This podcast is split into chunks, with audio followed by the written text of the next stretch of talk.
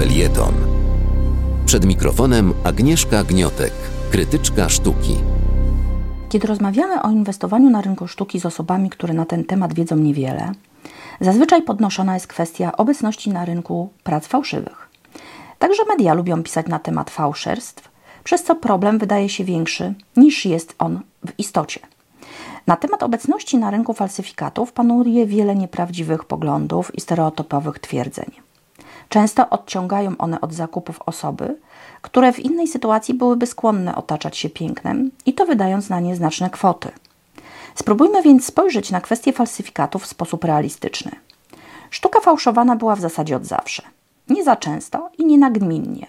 Niemniej jednak problem falsyfikatów jest związany ze sztuką od momentu, kiedy ludzie zaczęli za dzieła sztuki płacić pieniądze i kupować je nie tylko bezpośrednio od artystów, a także od siebie nawzajem, czyli z drugiej ręki. Stąd falsyfikaty są nieodłącznie związane z kolekcjonerstwem. Powstają z dwóch powodów. Pierwszy jest oczywisty, czyli z pobudek materialnych. Fałszerz podrabia dzieła artysty, który jest wysoko ceniony, a jego pracę można drogo sprzedać. Drugi powód to ambicja. Twórca chce udowodnić, że jest tak dobry, jak najbardziej uznani i wielbieni przez kolekcjonerów artyści. Z takich pobudek fałszował, zresztą w sposób doskonały, obrazy Jana Vermeera Han von Meggeren. Jego dzieło, oczywiście jako obraz Vermeera, zatytułowany Chrystus i jak wnogrzesznica, trafił do kolekcji Hermana Geringa. Fałszerstwo wydawało, wydało się zaraz po wojnie, gdy Meggeren został oskarżony o kolaborację z hitlerowcami. Zamienił wyrok wieloletniego więzienia za kolaborację na znacznie krótszy za fałszerstwo. Aby udowodnić swoje umiejętności i potwierdzić, że to on namalował Chrystusa i jawnogrzesznicę, stworzył w więzieniu kolejnego Vermeera jako dowód dla sądu. Gering, który chwalił się, że w jego w kolekcji nie było prac fałszywych, dowiedział się niedługo przed swoją śmiercią, jak okpił go Megeren. Jak wiadomo, szlak go trafił.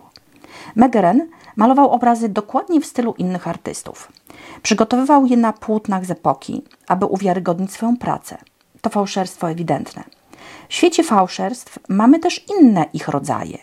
Takie, gdzie praca jest oryginalna, ale podpis artysty, czyli jego sygnatura, zostały sfałszowane, tak by dzieło udawało pracę tego twórcy, który sprzedaje się drożej. Inna kwestia to atrybucja.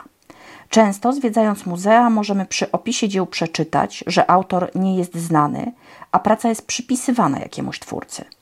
Historycy sztuki nie zawsze są pewni, kto stworzył takie dzieło, a artyści, zwłaszcza w dawnych wiekach, nie zawsze swoje prace podpisywali.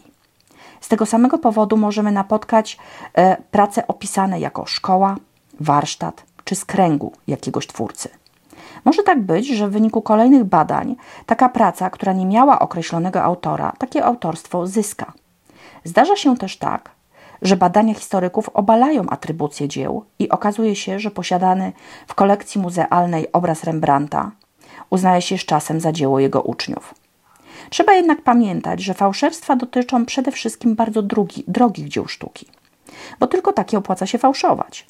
Należy też wziąć pod uwagę, że nie ma sensu fałszować prac artystów żyjących, a w galeriach i domach aukcyjnych sprzedających ich twórczość, czyli zajmujących się obrotem prac pozyskiwanych bezpośrednio od artystów, fałszywek nie ma.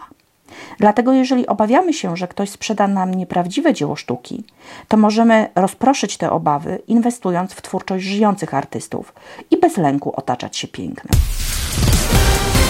Na www.haloradio ukośnik SOS Wspieraj niezależne Halo Radio, które mówi wszystko. www.halo.radio ukośnik SOS. Dziękujemy.